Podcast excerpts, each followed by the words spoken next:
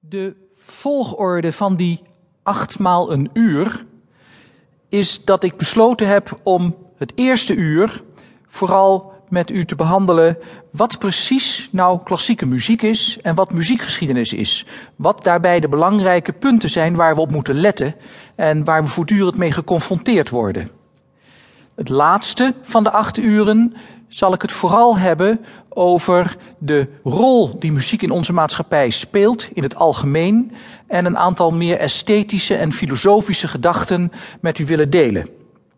Daartussen zitten zes uren en die zes uren verdeel ik niet helemaal willekeurig, maar toch zo goed en zo kwaad als het gaat over zo'n grote periode om het tijdspad van ongeveer het jaar duizend tot het jaar 2000 om dat te bewandelen aan de hand van een aantal belangrijke kenmerken van de muziek in het Westen.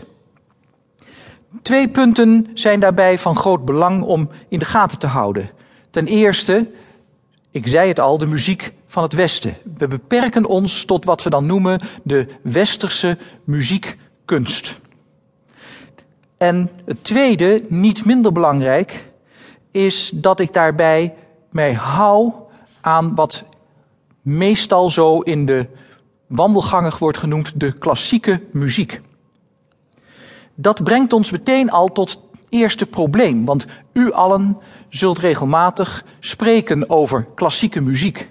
Maar wat is nou precies klassieke muziek? En hoe verhoudt zich dat in onze gedachtegang tot dan minder klassieke muzieken? Alleen al de term is een hele lastige, waar we steeds weer tegenaan botsen. Wat is klassiek namelijk? Het heeft een nogal dubbele betekenis. Als we naar de Vandalen kijken, dan zegt de Vandalen, die zegt klassiek is ten eerste behorende tot de Griekse of Romeinse oudheid.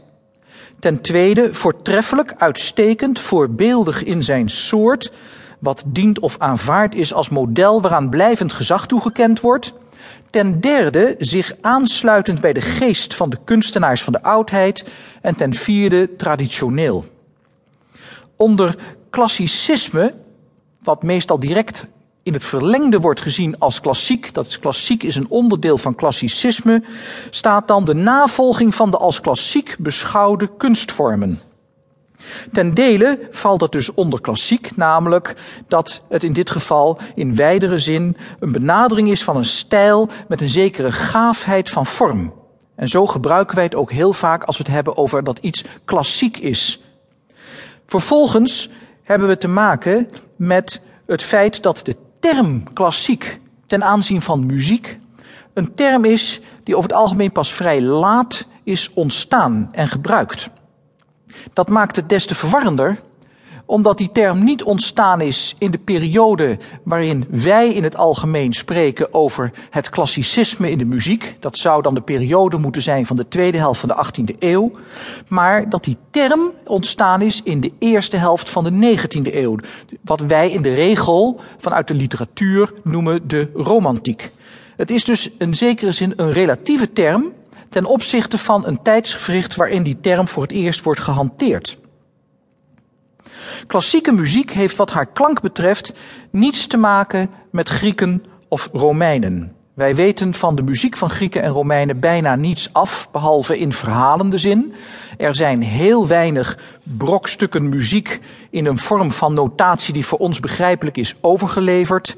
En de beschrijving ervan op zichzelf is voor ons onvoldoende om ons een indruk te kunnen maken van wat nou precies die muziek moet zijn geweest. We hebben wel ideeën, maar die zijn uitermate vaag. Klassieke muziek kan echter inderdaad, als we Van Dalen blijven volgen, voorbeeldig zijn en voortreffelijk zijn. Een bepaald soort muziek die voor iedereen voorbeeldig is, is bijvoorbeeld de muziek van Bach. Of de muziek van Mozart. Voor anderen misschien ook de muziek van bijvoorbeeld Beethoven of van Brahms. Die wordt gauw gezien als voorbeeldige muziek. Toch is Mozart in de meeste gevallen een klassieke componist, een van de Weense klassieken. Bach wordt gezien als een barokcomponist, Brahms als een romanticus, hoewel met klassicistische voorkeuren. En zo blijft het toch wel vrij verwarrend wat we dan onder klassiek moeten verstaan. Als u vervolgens luistert naar de radio en u krijgt programma's voorgeschoteld met prachtige namen als de klassieken.